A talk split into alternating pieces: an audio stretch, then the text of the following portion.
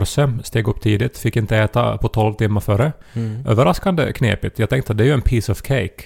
Men jag var dödshungrig när Det är ju jag... mo- liksom i princip motsatsen till a piece of cake när man inte får äta någonting. Ja, det har du rätt i. Och Mm. inte fick jag dricka heller. Nej. Och plötsligt så ville jag bara liksom dricka vatten Mm. och hälla i mig safter och så vidare. Mm. Nåja, men jag klarade det. Så får jag på den här provtagningen. Ja. Och eh, så det här satt jag mig i den här stolen och så spände den här sköterskan ett, eh, ett rep runt min arm. Mm. Och så sa hon att, att det här, att, att är du rädd? Eller att har du obehag för, för nålar och för, och för blod? Mm.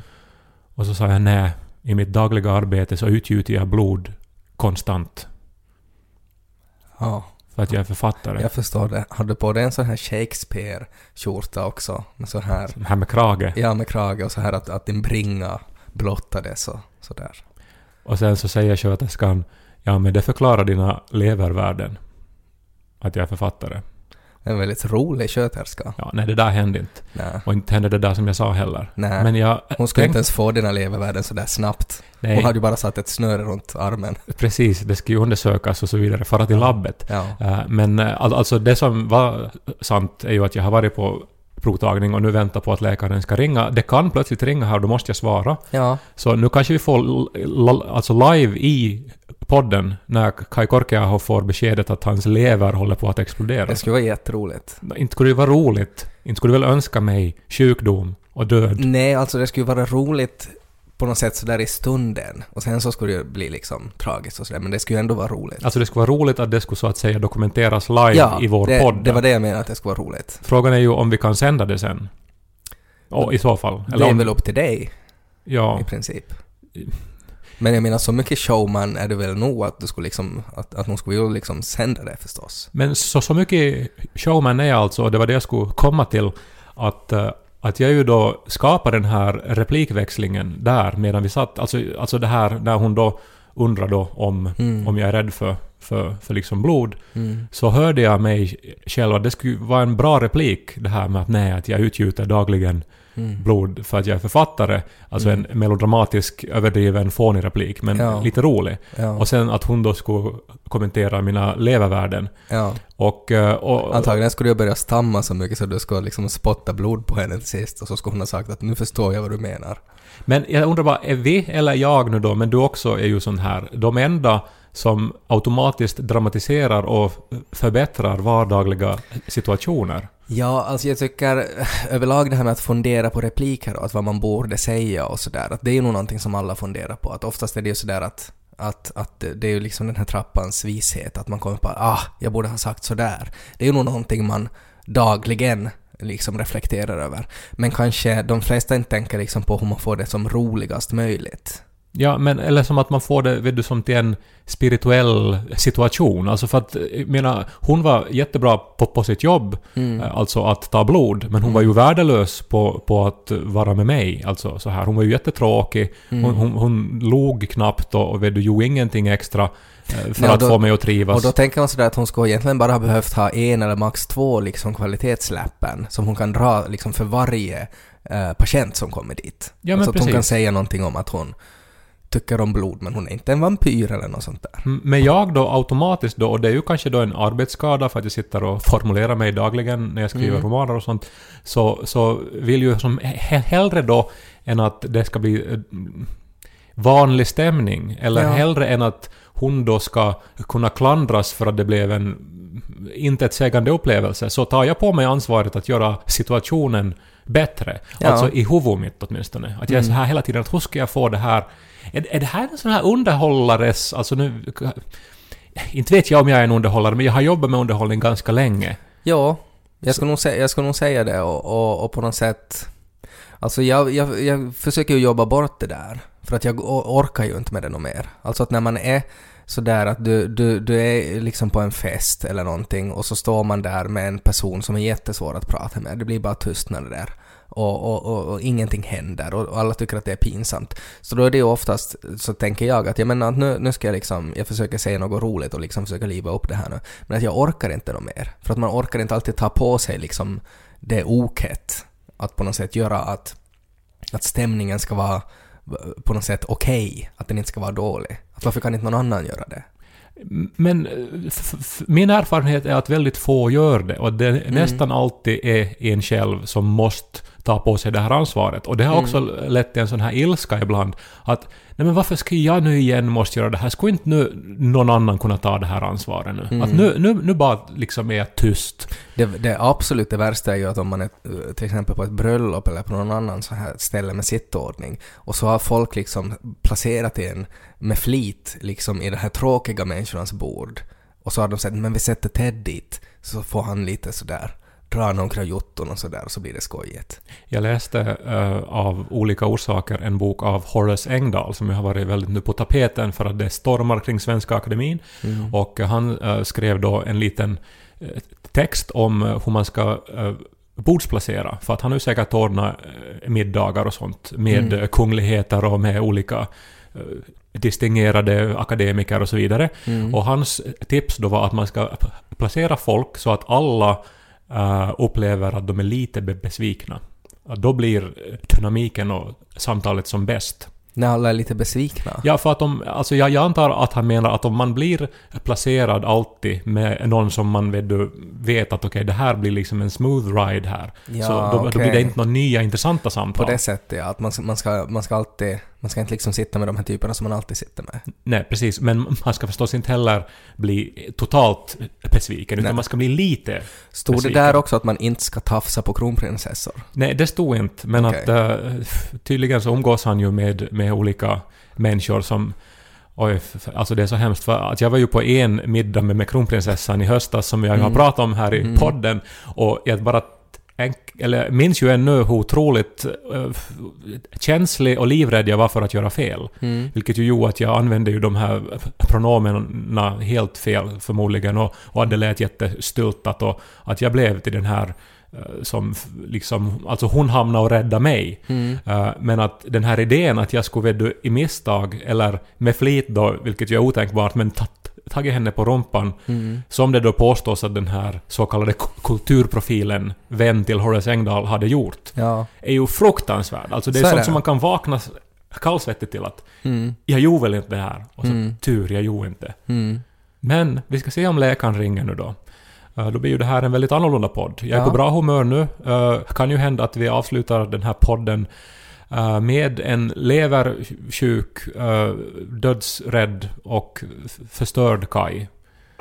Men det är, jag menar, det är ju nästan varje avsnitt. det. Messi buen purmo puut össärbotling Som talar sitt så popna popcorn Så börjar vi popnu denna popcorn Så börjar vi lys på Ted och Kai Jag undrar om det syns i blodprovet så här stressnivåer och att de liksom är så här att ja, jag har en bra lever, mina njurar är juveler, Mm. men eh, Inte bokstavligen då, men... Men den här stress och avundsjuke och bitterhetsnivån Mm. är alarmerande hög.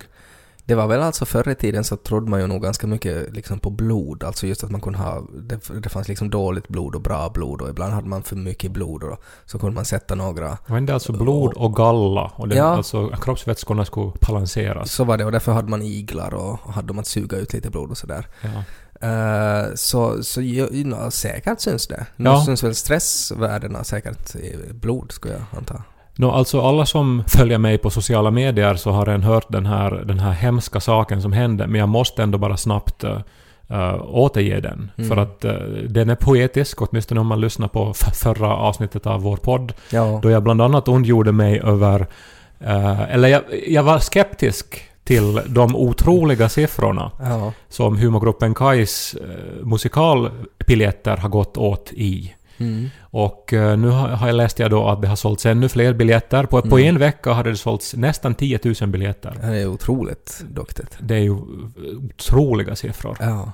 Och uppenbart lögnaktiga förstås. För, Ja, ja, alltså för dig så är det med betoning på otroliga. Nej, men, som sagt, Vasateaters biljettkassa Mm. kan inte processa Nej, så nej. många biljetter på en vecka. Fake News-teatern borde den heta. Men samma dag då som jag då eh, sa det här i vår podd eh, så ringde alltså min fammo, eh, eh, underbar äldre kvinna i Jakobstad.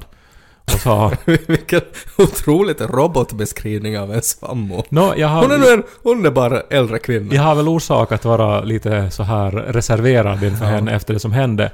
Men hon är då alltså nå 87 år tror jag och Mm. eh, totalt finskspråkig. Ja. Vilket kanske också lite förklarar det som hände. Men hon hade då sett på Haluatko miljonäriksi. Vem vill bli miljonär på finska? Ja. Några dagar innan hon då ringde mig. Och där så sa hon att jag hade varit ett svarsalternativ. Mm. Kai Korkeaho hade varit alltså ett svarsalternativ till en fråga. Mm. Och det betyder ju... Det är ju helt otroligt. Jag, det är helt otroligt. alltså det var ju något av det mest oväntade och det största som jag kunde få höra. Mm. Och eh, jag antog att det handlade om litteratur eller någonting. Att det Mm. då skulle vara så att mina böcker uppenbarligen då har gjort något sorts avtryck. Mm. Att, jag har, att jag har blivit något sorts litet namn.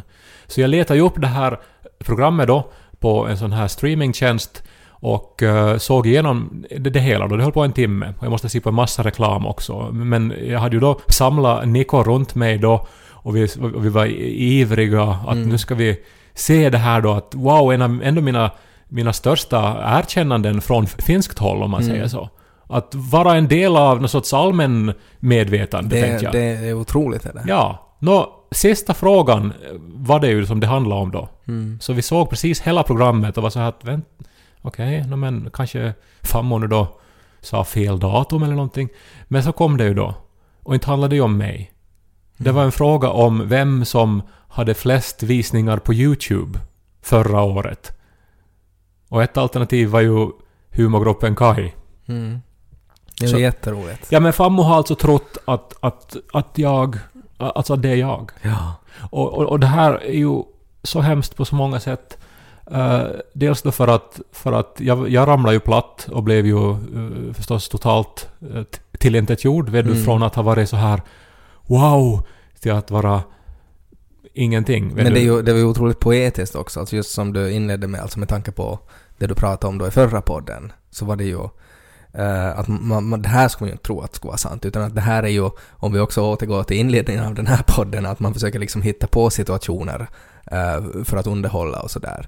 eh, och dra till med grejer. Så det här är ju faktiskt, det här skulle man ju inte tro skulle vara sant. Ja, och sen, alltså det här är ju en grej som har förföljt mig ända sedan humorgruppen Kai Mm. blev så här kända att folk blandar på oss. Mm. Alltså det är ju också, när jag var hemma hos mina vänner i Pormo en gång, Matti och Tanja, så hade de sagt till sina barn att Kai ska komma. Mm.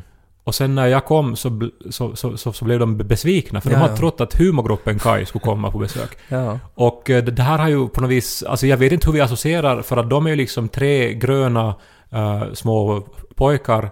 Mm. Jag är liksom en annan mä- människa, en egen Men det, är- alltså det är väl lite sådär som dvärgarna är, är, är snövita, om de skulle stå på varandra med trenchcoat. Så då skulle det ju kunna vara du. Jag kan tänka mig, så kanske tänker Matte och Tanjas barn att... Nej men hur man blandar på oss, alltså en humorgrupp och en, och, en vanlig människa liksom. Ja. Alltså det är ofattbart. Mm. Eh, men det, det, det, det har ju hängt med mig och så nu att det kom från min egen släkt, från Fammo. Mm. Alltså så lite tydligen bryr hon sig om mig då. Men, men ringde du åt din farmor då och skällde ut henne och sa att hon ska aldrig för helvete ringa dig igen med såna här saker? det gjorde jag ju givetvis inte. Jag, jag har ju... Då har du rättat henne då? Nej, det har jag inte heller gjort. Så hon tror att du var störst på YouTube nu då? Nå, må så vara nu då. Alltså Ja. att hon lever i den här förvillelsen då. Men, men det var bara... Det var, det var eh, dels otroligt poetiskt som du sa, men också liksom... Alltså så mörkt Mm att jag är säker på att det måste synas i mitt blodprov en vecka senare.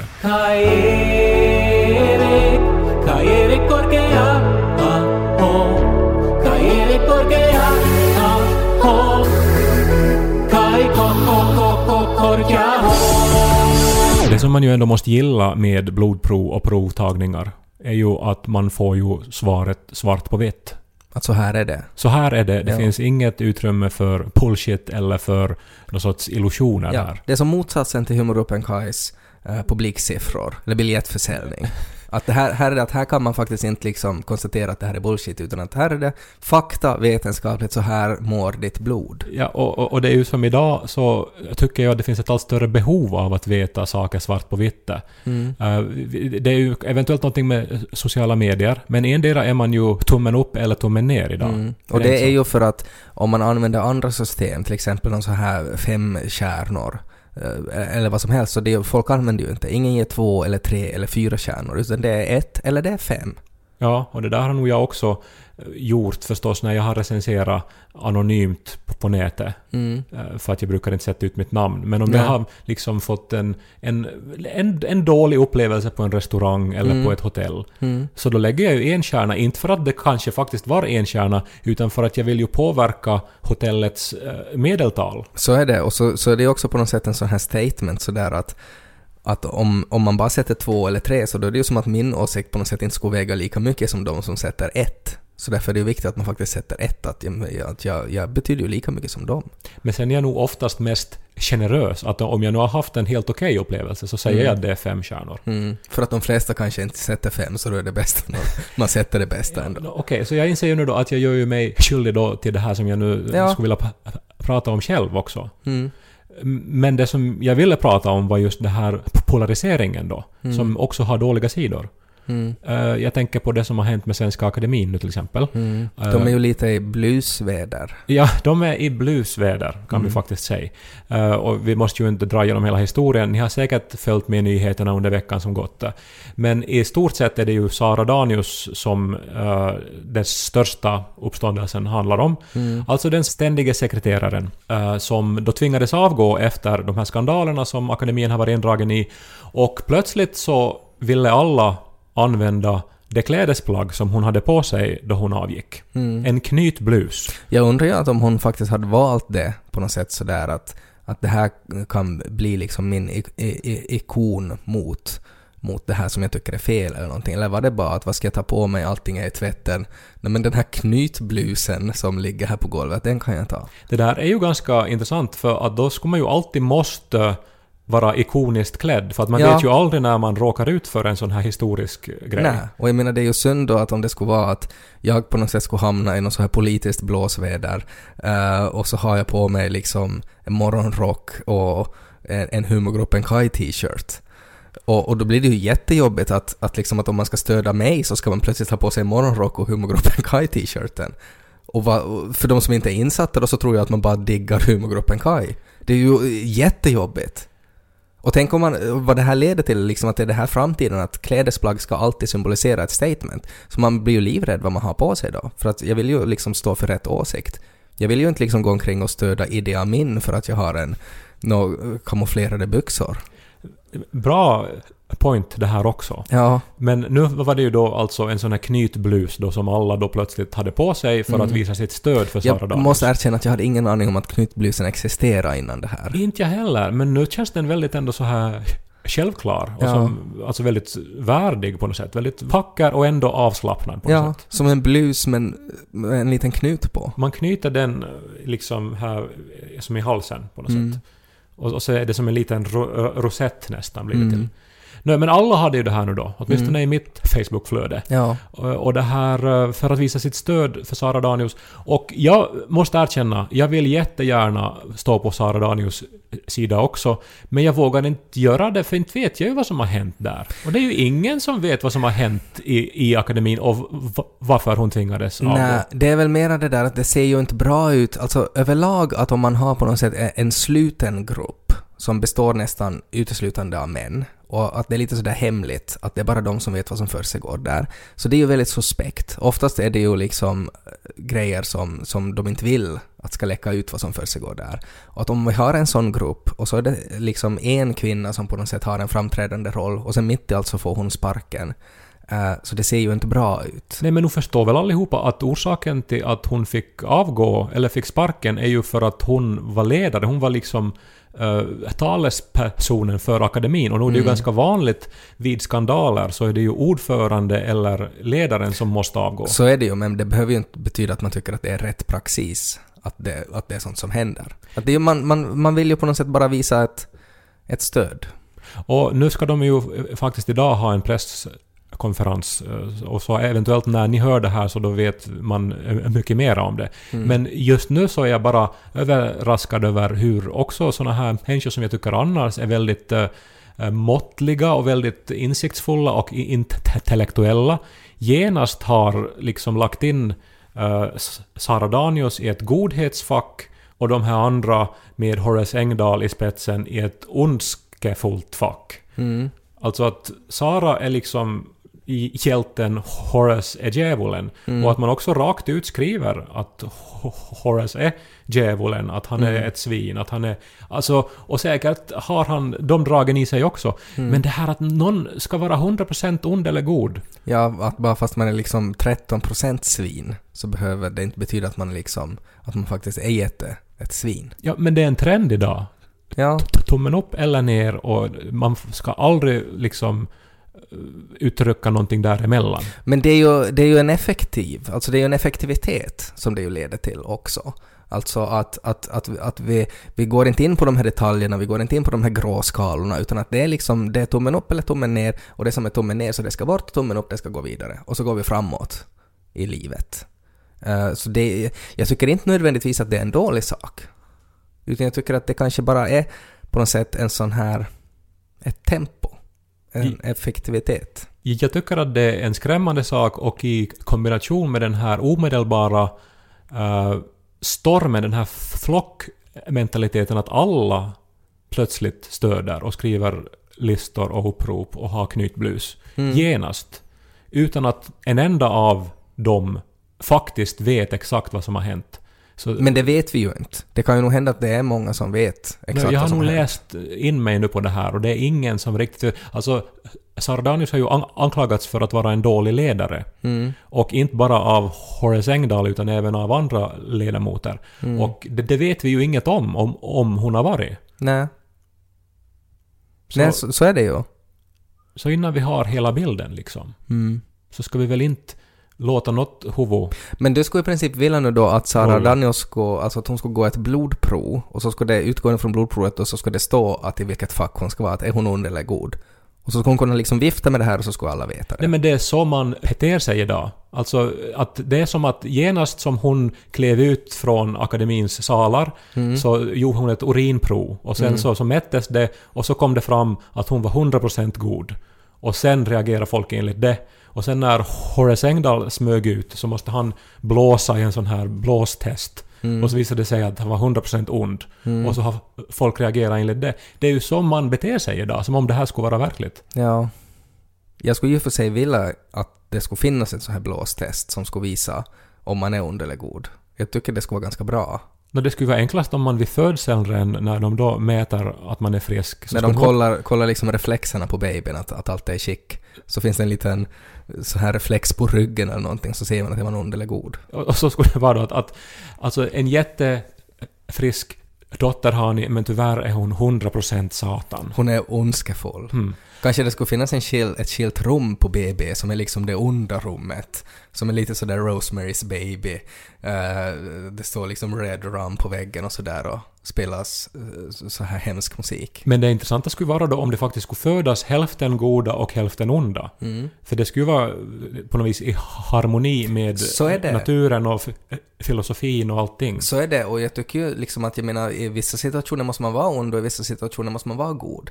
Eh, så jag tycker ju att man borde, det, det borde bara uppmuntras det då. Alltså att, att, att man ska kunna konstatera att, eh, att nu, vi behöver en ny VD för vårt företag och vi har konstaterat att vi måste ha en ond VD. Eh, och vi är liksom, det, vårt företag gör goda saker men Så- att vi måste så- ha en ond VD så att den ska kunna liksom ta den plats som vårt företag skulle behöva. Så att i den här annonsen då när man lediganslår tjänsten då så skulle det Mm. stå då att, att, att ondska räknas som en en merit. Ja. Och alla jobb skulle vara till exempel eh, vilket jobb så skulle godhet vara en merit? Uh, Nå kanske prästyrke, diakoniyrke? Ja, eventuellt. Ja. Det, det, är liksom spontant så skulle det ju vara så. Eh, Men sen, jag menar att om man tömmer slambrunnar, så där är det väl att, där skulle på den annonsen så skulle det stå att här spelar dina personliga värderingar, eller ondskefullhet, eller godhet, så spelar det ingen roll här. Så länge du kan liksom tömma skit ur hål, så får du jobbet. Men skulle det vara då som såna här vet du, styrelser och sånt, skulle man då helst vilja att det är hälften hälften? När man skulle vilja ha liksom hälften män, hälften kvinnor, hälften goda, hälften onda. Det Ja. skulle vara otroligt jobbigt. Och sen så ska vi också ta in, uh, beakta alla möjliga uh, etniska bakgrunder också. Eller skulle man ha liksom två akademier då, en, en onda Svenska akademin och goda Svenska Ja, akademin? det skulle vara Och bäst. så, och så får båda då ge Mm. ett förslag till Nobelpristagare. Mm. No. Nobels fredspris, alltså det onda fredspriset och det goda fredspriset. Jag skulle gilla det. Kanske man skulle kunna ha hela planeten lite sådär som månens mörka sida, alltså att vi skulle ha liksom att det finns liksom att här vid ekvatorn drar vi gränsen, att nu kom du liksom till onda jorden och goda jorden. Det skulle bli en hel business kring det där också, man skulle liksom fejka att man är god när man egentligen är ond och sådär och... Ja, det skulle bli att man då för att komma in i en styrelse som kräver att man är något annat än man är, Mm. så, så måste man då på något vis ha ett fejkat urinprov eller någonting. Ja. Ja, ja, så är det ju. Och, och det skulle bli sådär, jag minns inte vilken, det var någon sån här boxare som hade en lös penis med sig och som han liksom klämd någon annan mans kissi ur när han skulle kissa i koppen. För, för tydligen är det så alltså att när de, när de undersöker att eh, det här dopingtestet så, står de faktiskt liksom med ett förstoringsglas och kollar på penisen att är det faktiskt din penis som det kommer det här kissi ur. Eh, och han hade med sig en lös penis då. Men de äh, märkte inte då fast de stod där med förstoringsglaset då? Nej, tydligen inte. Det är otroligt smart det här. Ja, det var en otroligt smart löspenis som han gjorde det med. Men så det skulle bli en hel business med det där då, att man skulle ha löspenisar som kissar gott. Men då är man ju nog skyldig om man gör det där. Jo. Jag. Jag Men menar, samtidigt om man är ond, så vad ska man liksom skylla på?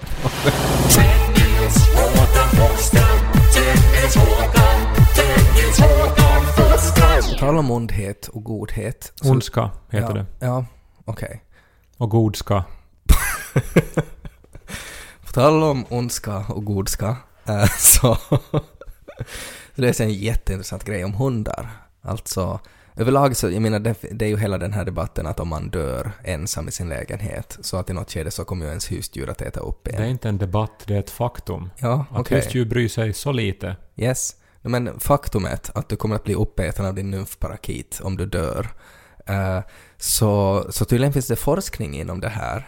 Och de har konstaterat att alltså tama hundar, alltså sådana där hundar som du skulle ha med dig då i din lägenhet, så, så de skulle liksom börja äta din kropp på ett annat sätt än vildhundar skulle äta ditt kadaver. Om de skulle hitta det i djungeln till exempel. Så de skulle mera så här, alltså vara på något vis mjukare, eller, eller alltså att de, de är mer barmhärtiga. Att de skulle äta hela tiden och säga sorry, sorry, mm, mm, sorry att jag äter upp det. Mm, Eh, nej, inte så. Men alltså ändå på gränsen till det. För att tydligen är det så att vildhundar, de skulle genast börja liksom i, i, i magen, alltså de skulle direkt gå till de här goda tarmarna och inre organ. Men tama hundar, alltså husdjur, eh, så de skulle börja med face. Face. Ja, med face. Nej men det är nog mer det. Nej men ser du, då, troligtvis så är det så att eh, de skulle liksom de skulle få panik. Jag menar, de, de är ju liksom utsvultna och jag vet inte vad som har hänt och, och, och Matte och Husse ligger döda på golvet. Så de skulle, teorin är att de ska antagligen liksom börja med att de försöker liksom äh, återuppliva den här människan, så att de försöker liksom slicka den i ansiktet och, och så här försöka få kontakt med den. Och sen så skulle den få mer och mer panik så att till sist skulle den liksom börja nafsa och sådär och så skulle den få ännu mer panik. Och så skulle den kanske bita och så skulle den känna blodsmaken och så när de är utsvultna så skulle det liksom trigga den här instinkten att nu, nu börjar de äta. Otroligt skitsnack för att liksom på något vis rättfärdiga det här Ni vidriga behöver inte beteendet. rättfärd. Det som ju är intressant är att hur någon forskare har fått stöd för att, för att göra den här undersökningen. Men det är ju säkert, är du sponsrad vad- av någon sån här Kennel Elite eller någonting så här. Är du nog riktigt som partisk att, att p- pro-husdjur? Ja men vad, vad, vad vinner de av det här? Nej, att men- din golden retriever äter upp facet på dig först? Till skillnad från en vildhund som skulle börja med magen. Men, att det, det, det, det liksom, de, de gjorde ju en björntjänst för, för hela kennelföreningen. Nå, nu egentligen, ja. Jag tycker bara att det är intressant att, att det har varit en forskare som har liksom då skrivit en ansökan att jag ska ansöka om 20 000 euro för att undersöka huruvida min bichon frisé skulle bita mig i face eller i pungen eller låret, var den nu skulle börja äta mig. Uh, till skillnad från en vildhund. Var, var, var, var skulle de äta på min kropp om jag skulle dö. Ja, det är spännande. Och, och, Och att den dessutom har beviljats pengar då för att det var så bra den här ansökan. och sen måste de ju ha haft någon metod också. Alltså Ja. har, de gjort... Alltså har de använt lik då? Eller har de använt någon sorts... Ja, man, man, man måste ju anta alltså att de har utgått från så här polisrapporter där folk har då hittat en, en väldigt mätt och skyldig labrador och sen då en person utan face i hörnet. Eh, och så har de konstaterat då att ja, det här är ju inte alls som den här vilda taxen som åt No, det är just det, då måste de ju ha haft en kontrollgrupp som har bott med vildhundar. Ja, det låter ju som att den här forskaren hade några kroppar som, som hen behövde göra sig av med. Men jag tycker det, det är också lite det här med godhet, med, med, med godska och ondska. Det här också för att man tänker på något sätt att husdjur är goda då, till skillnad då från vilda djur som är liksom uh, ondskefulla. Ja, och sen så måste vi ju också förstås ta i beaktande, eh, alla har vi ju sett filmen Alive, en av eh, vår generations uh, äckelfilmer. Det Eller så här här som, rugbylaget som störtade i ja, Alperna. baserad på verkliga händelser, alltså om Mm. en plankrasch i Anderna. Mm. Och sen för att överleva så tvingas de då som överlevde att äta upp sina döda vänner. Mm. Det här var ju också väldigt vanligt bland, eh, på fartyg. Alltså för jättelänge sedan så åt man ju upp skeppspojken oftast. Chefspojken, Ja. men han var ju säkert yngst och starkast. Nej. Finns det väl mer av det sån här sjöbjörns... Nej men mage. tänk dig nu såna här liksom hårda, knottriga karrar som har liksom, det enda de har gjort sen de var fem så är att liksom att de, de har dragit rep så att de är liksom bara muskler och senor. Och så har de en liten skeppspojke då. Det är ju klart att de äter upp honom först. Det finns en Stephen King-novell också som handlar om en man som sköljs upp på en öde ö, eller det är egentligen bara några klippor ute i havet. Mm. Och så, och så måste han äta sig själv för att överleva. Okej, vilken del äter han då? Ja, Han börjar med armarna och, och det här. Börja med armarna. eller benen, nu minns jag inte. Men Ja. alltså att han... Och Stephen King hade tydligen gjort research också inför Det skrivandet av klart det här. Att, eh, att eh, när, när dör man? Mm. Att, att hur mycket går det att äta av sig själv innan man dör? Mm. Sådana saker. Men eh, hundar eh, ska man alltså... Nej men man ska, man ska inte något med hundar. Det var bara på något sätt jag tyckte att det var intressant det här när vi pratade om, om ondska och, och godhet och sådär. Och man tänker alltid på något sätt att ja, men det är ju de som lever vilt i naturen, det är ju de som är onda. Men sen visar det sig då att husdjuren, att, att det är ju på ett sätt mer ondskefullt att de äter upp ens face först än, än resten av kroppen. Även om de har ju då goda avsikter så leder det ju till någonting hemskt. Skulle du äta upp Ronja om du skulle vara instängd i ett rum utan möjlighet att ta dig ut? Och, Äh. Alltså du är med Ronja där. Eh, ja, men jag antar ju att hon skulle ju säkert dö före mig. Alltså hon skulle säkert svälta ihjäl före mig tror jag. Ja, eller... Hmm. Tänker jag. Inte det alls sagt. Jag menar hon har en mindre kropp och så här och... Mm. Eh, Nej, alltså hur- hurdan tror jag behöver mera info. nå, men du är inlåst nu då i ett Ja, men kan- bankvalv efter en misslyckad stöt. Varför hade jag en bichon frisé med mig? Det, det var en del av planen. Hon var distraktionen. Mm, men det här, och nu så har ni ingenting att äta och, och, och ingen, ingen annan utväg än Nej. att, äh, än att då äta upp Ronja. Frågan är, äter du först magen eller facet? Nej, jag skulle väl nog äta allt utom face tror jag då i så fall. Eh, jag skulle nog försöka hålla ut länge, men jag tror ju nog att i något skede så skulle jag nog säkert äta upp henne.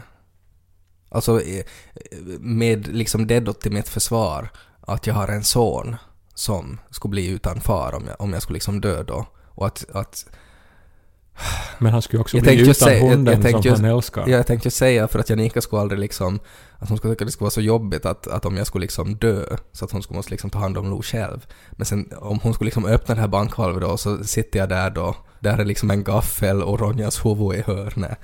Uh, så inte skulle hon ju tycka om det heller. Att det kan nog hända att hon skulle bli gladare att det skulle vara en otroligt mätt Ronja och så ligger jag då utan face. Ni ska inte ha Lo att spela ishockey. Vet du vad eh, tio år av ishockeyintresse kostar nu för tiden för föräldrarna? Nej, 87 000 euro 87 000 euro. har man räknat ut. För att ha utslagna tänder och hjärnskakningar och otroligt snygga flickvänner och aldrig behöva tänka på pengar igen. Det är ju en synpunkt också förstås. Alltså det är ju en 87 000 euro, det är ju, det är ju en, liksom, det är en otroligt liten investering det. För att ha sen ett barn som ekonomiskt tar hand om dig i resten av livet. Jag tänkte säga att det är gratis med ett läsintresse för man kan alltid få ett bibliotekskort gratis till sin son eller dotter. Mm. Och så Och det kan... med betoning då att man vill att ens son ska ha otroligt snygga flickvänner. Får man det med ett läsintresse? Det tror jag. Ja, och jag kommer, jag också. kommer att dö för denna åsikt. Oberoende om den är sant eller inte. Ja.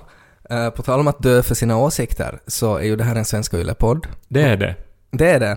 Och eh, det som ju Svenska Yle ordnar nu för tillfället också är en, ett poddlabb.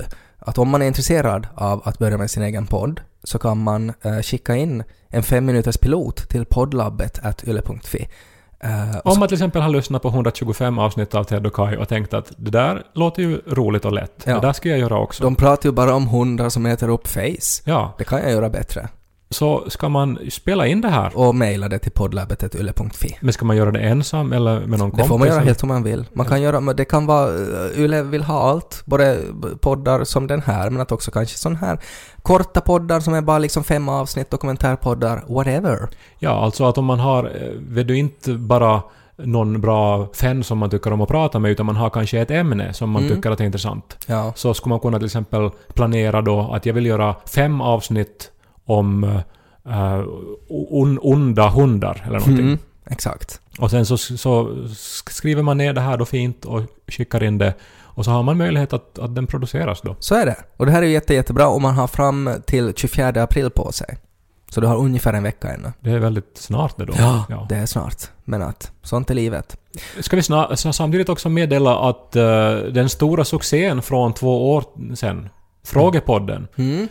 Kommer tillbaks. Det tänkte vi, alltså att Ted och Kai-podden ska göra en frågepodd igen och det betyder alltså att ni får ställa frågor till oss och vi svarar på så många vi bara hinner med under ett poddavsnitt. Ja, eh, man får fråga precis vad som helst Mm. och man gör det lättast via x3m.yle.fi Mm. där det finns ett sånt här formulär. Ja, det finns en liten artikel som man kan klicka på eh, och där så kan du ställa frågor. Och ifall du lyssnar på den här podden otroligt tidigt och det här eh, det, det inte finns något att klicka på så, så det kommer nog säkert dit om en stund. Då är vi bara långsamma. Så, iväg och fråga allt vad ni någonsin har undrat och eh, Så svarar vi på de här frågorna, inte kanske nästa vecka, men typ, vad ska vi dra till med? 3 maj, kanske? under vårens lopp ska vi säga. Mm, Lite beroende på vad läkaren säger när hen snart ringer. ja. Hen har inte ringt än. Hen har inte ringt än. Så att eh, jag lever nu här med Tror- magsyra och ovisshet. Var det en ond eller god läkare? Nå, nu var det ju inte en läkare utan en sjukskötare Just det. eh, som ju inte gjorde någonting för att liksom göra situationen trevlig. Man skulle kanske vilja att en ond läkare ringer när den har liksom dåliga nyheter och en god läkare ringer när det är bra nyheter. Nå, om det nu visar sig att jag är dödligt sjuk och är död nästa vecka så Mm. hoppas jag... Jag är nu klädd i en hel blå tröja. Mm. Så jag hoppas att det blir hashtag blå tröja och att eh, alla som vill hedra minnet av mig bär blå tröja Mm. nästa vecka. Ja. Och om Kaj dör så då har vi inte någon frågepodd. Väldigt osentimentalt och rått på något sätt. Kanske vi har en liten frågepodd. Men kanske jag kan låna Ronja hem till oss eh, inför det här möjliga dödsfallet. så hon får äta mitt face. Och så sparar ni lite hundfoder. Så gör vi. Hej då! Hej hej.